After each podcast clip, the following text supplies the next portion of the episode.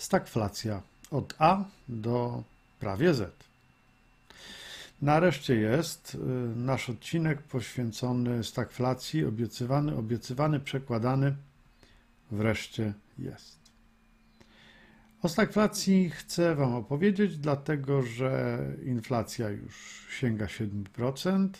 Wszystko wskazuje na to, że będzie powyżej. Pan minister Patkowski, ten taki o wyglądzie gimnazjalisty, y, zapowiada co prawda, że 10% nie przekroczy, ale ja tu aż tak bardzo pewny nie był, czy w przyszłym roku nie zbliżymy się do tych 10%. No, czas pokaże. Pokaże też wybór nowego szefa NBP, czy nadal prezesem będzie Glapiński, czy też nie. W każdym razie chyba nie ma co histeryzować na razie na temat inflacji. Ona rzeczywiście rośnie. Jak przekroczy 10%, to będzie można uznać, że naprawdę dzieje się coś niefajnego, ale ja bym się przesadnie nie obawiał y, hiperinflacji w najbliższych latach. Hiperinflacji raczej nie będzie. Ale stagflacja, no ta może być. Czyli dzisiaj spróbuję Wam opowiedzieć, czym jest y, stagflacja i dlaczego miałby to być powód do zmartwień, dla kogo miałby to być powód do zmartwień. Y, samo słowo stagflacja, stagflation, y, to zbitka dwóch słów. Pochodzi od stagnacji gospodarczej plus inflacji, czyli oznacza połączenie kiepskiego wzrostu gospodarczego, często oscylującego wokół zera. Y, to z kolei przekłada się na dość duże bezrobocie, na przykład kilkunastoprocentowe, tak jak to było w Stanach, a do tego jeszcze obserwujemy rosnące ceny. Co może być y, paliwem dla stagflacji w dzisiejszych czasach? Y, wydaje się, że tutaj ważne są dwie rzeczy drożejące nośniki energii, które drożeją i chyba w najbliższej przyszłości nie będą tańsze, oraz oczekiwania inflacyjne, które wydają się rosnąć. Jeśli y, spojrzymy na te nośniki energii, no to na przykład taka ropa Brent, która jest takim trochę benchmarkiem dla innych rodzajów ropy, Y, ostatnio bywa powyżej 80 dolarów za baryłkę, co oznacza, że notujemy mm, poziomy no, najwyższe od powiedzmy 3 lat. W 2018 roku y, widzieliśmy takie ceny. Brent była nawet już po 85 dolarów za baryłkę, a przecież jeszcze we wrześniu 2021 roku było to niespełna 70 dolarów czyli wzrost jest dość spory. Dodatkowo w Polsce działa osłabienie naszej waluty. Dolar we wrześniu kosztował mniej więcej 3,80, teraz praktycznie zbliża się do 4 zł. My stosujemy sobie taką politykę osłabiania naszej e, krajowej waluty. To dobrze robi eksportowi, czy też poprawia wyniki eksporterów, no ale boleśnie odbija się na imporcie i skutki na stacjach no już widzimy. Pojawiła się, jak to mówią niektórzy, liczba szatana, trzy szóstki, 666, jak 6 lat rządów pewnej partii, jak 6% inflacja, jak paliwo po 6 zł. No, problemem chyba jest to, że y, prawdopodobnie tych lat rządów ta partia będzie miała więcej niż 6, minimum 8, a może więcej. Y, inflacja chyba też będzie większa niż 6, a i paliwo może sięgnąć 7%. Czemu nie? Czas pokaże. No dobrze, to ropa, a gaz? Spójrzmy na notowania gazu. 4 z kawałkiem we wrześniu, 6 z kawałkiem teraz. Dlaczego? No bo rośnie popyt, a podaż za nim nie nadąża. Poprzednia zima była dość zimna, co sprawiło, że magazyny gazu zostały dość gruntownie wyczyszczone. Jednocześnie do tego popytu dokładają się gazowe elektrownie, które w Europie próbują bilansować zmienną produkcję z odnawialnych źródeł energii, wiatru, słońca. Pamiętajmy, że Niemcy dość konsekwentnie wychodzą z atomu, czyli zmniejszy się udział atomu w tym miksie E, energetycznym. Z drugiej strony spalanie gazu to niewielka emisja, bo, bo gaz generalnie rzecz biorąc nie wydziela przy spalaniu tak dużo dwutlenku węgla jak na przykład węgiel a przecież pozwolenia na emisję są dzisiaj dość drogie. W związku z tym produkcja energii elektrycznej y, przy pomocy gazu, właśnie elektrowni gazowych, jest relatywnie tania. No właśnie, pozwolenia na emisję są drogie i wiem, Maciek, że ja Ci obiecałem odcinek o tych pozwoleniach, ja cały czas o tym pamiętam. Obiecywałem stagflację, jest stagflacja. Obiecuję także pozwolenia na emisję. Jednocześnie do tego całego rosnącego popytu dokładają się e, Rosjanie, którzy przykręcają kurek z gazem, czyli zmniejszają jego podaż. Prawdopodobnie głównie dlatego, że chcą, żeby certyfikacja Nord Stream 2 poszła im zupełnie bez problemów. Wysyłają więc taki dość mocny sygnał. Widzicie, bez tego gazociągu będzie ciężko. Tak? Wam w Europie będzie ciężko. Do tego dołóżmy te oczekiwania inflacyjne, o których e, wspomniałem wcześniej. No cóż, 70% ankietowanych firm planuje podnieść ceny. E, to w takim badaniu, które jest prowadzone od 11 czy też 12 lat, no taka sytuacja nigdy ani razu się nie wydarzyła. Nigdy tak wiele firm nie planowało podnieść cen, co oznacza, że my jako społeczeństwo zaczynamy spodziewać się wzrostu cen, zaczynamy się spodziewać tego wzrostu w przyszłości i zaczynamy się do tego wzrostu dostosowywać. Jak wszystko jest coraz droższe, no to my też planujemy, że nasze produkty będą droższe. No do tego dojdą jeszcze problemy z dostępnością surowców. Co jakiś czas słyszymy, że taki surowiec bije rekordy cen, taki surowiec bije rekordy cen. Do tego dochodzą trudności z rozmaitymi komponentami, to mikrochipy i wszelkiego rodzaju elektronika są dobrze znanym przykładem. E, do tego dojdzie, już dochodzi właściwie, droga żywność. E, żywność będzie droga, bo jak może nie wiecie, do produkcji nawozów zużywa się dość dużo gazu. A więc drogi gaz to drogie nawozy. Rosnące koszty przekładają się na ograniczenie produkcji, a mniej nawozów dostępnych na rynku to mniejsze plony. No plus oczywiście przetwarzanie żywności też wymaga energii, która, jak już wspomnieliśmy, jest droga. A więc droga żywność to skutek tak naprawdę wysokich cen nośników energii. Wiemy, na jakim gruncie może nam mm, obecnie wyrosnąć stagflacja. Zaczęliśmy od ropy, no to wróćmy do ropy, bo od niej się wszystko tak właściwie zaczęło.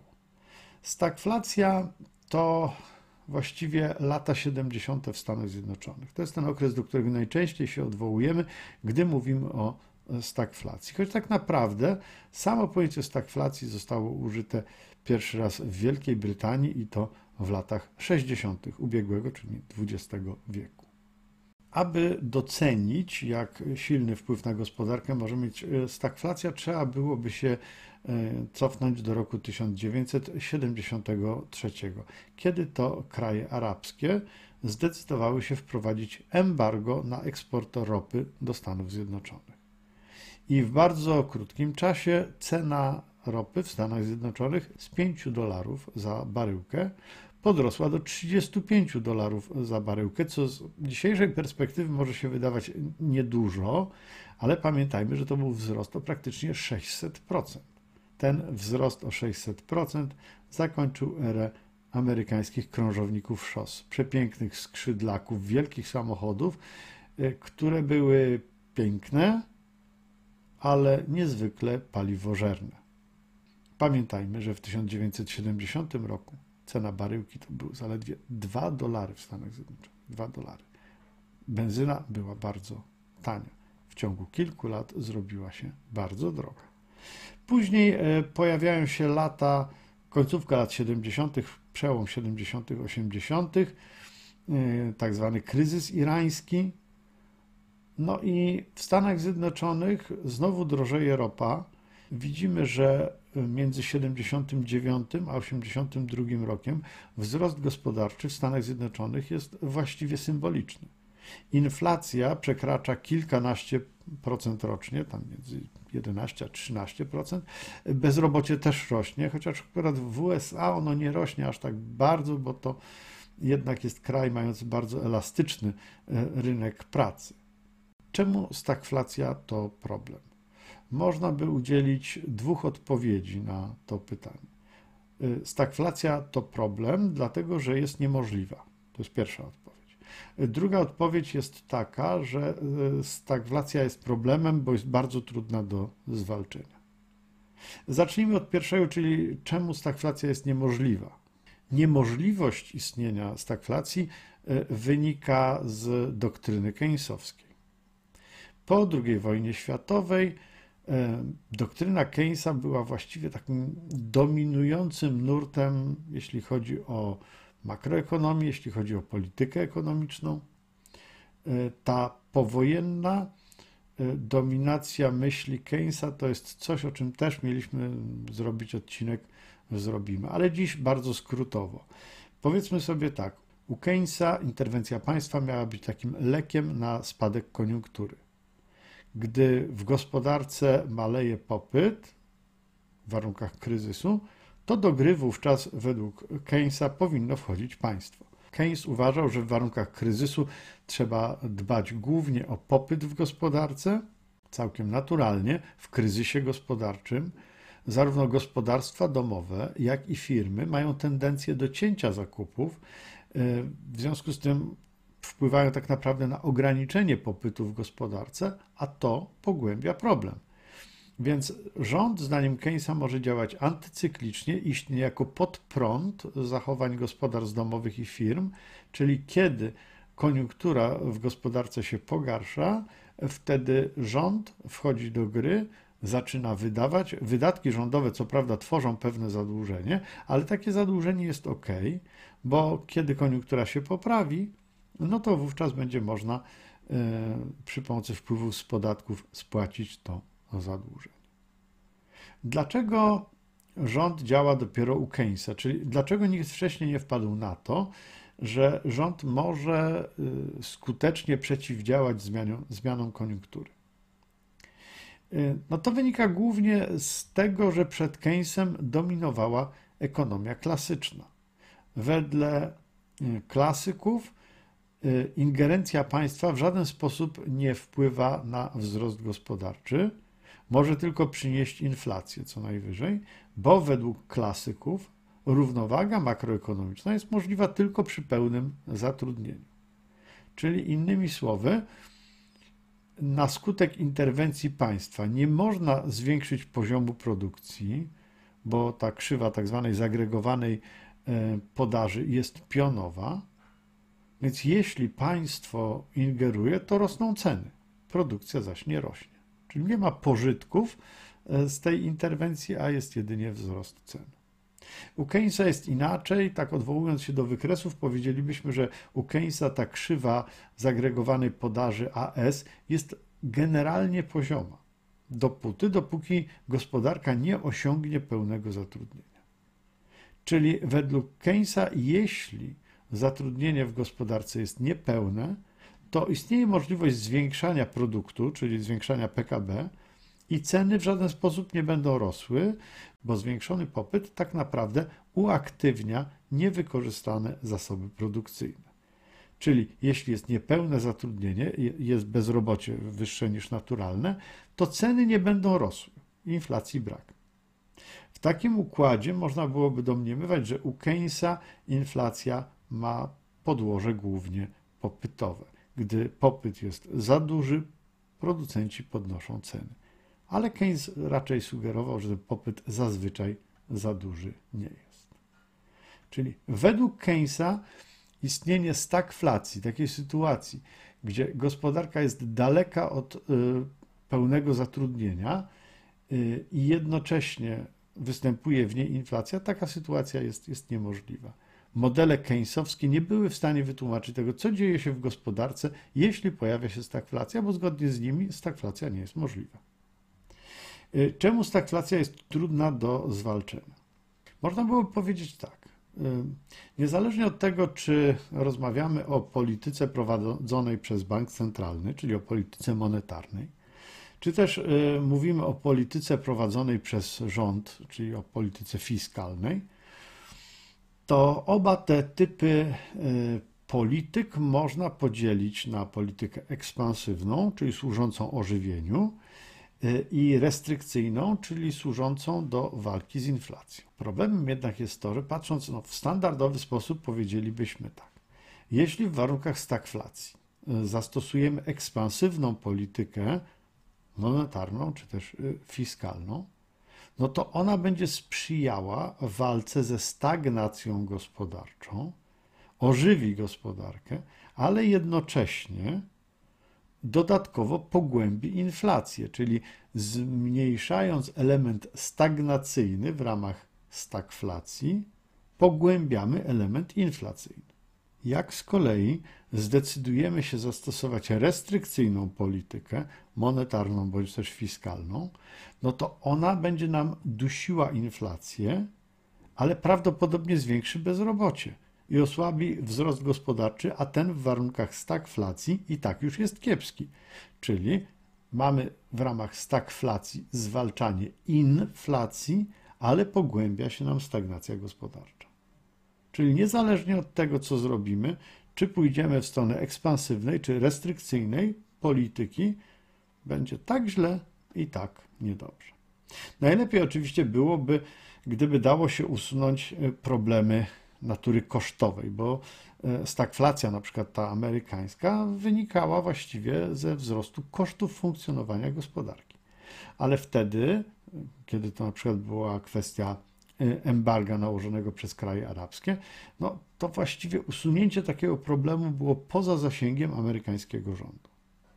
No i u nas też właściwie, jak patrzymy na e, wpływ rządu na znaczną część tych kosztowych y, czynników, no to ten wpływ jest bardzo ograniczony. W tym względzie akurat prezes Glapiński, kiedy mówił, że NBP niewiele może zrobić, no to akurat w tej sferze niewiele.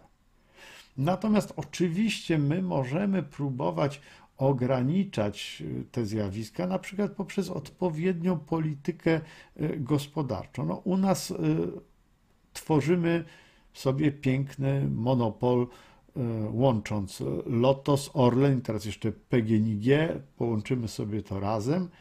No, z takich połączeń nigdy nie było niskich cen. Monopolizacja branży zazwyczaj skutkuje wzrostem cen, no a u nas to jest prosta droga w tym właśnie stagflacyjnym kierunku.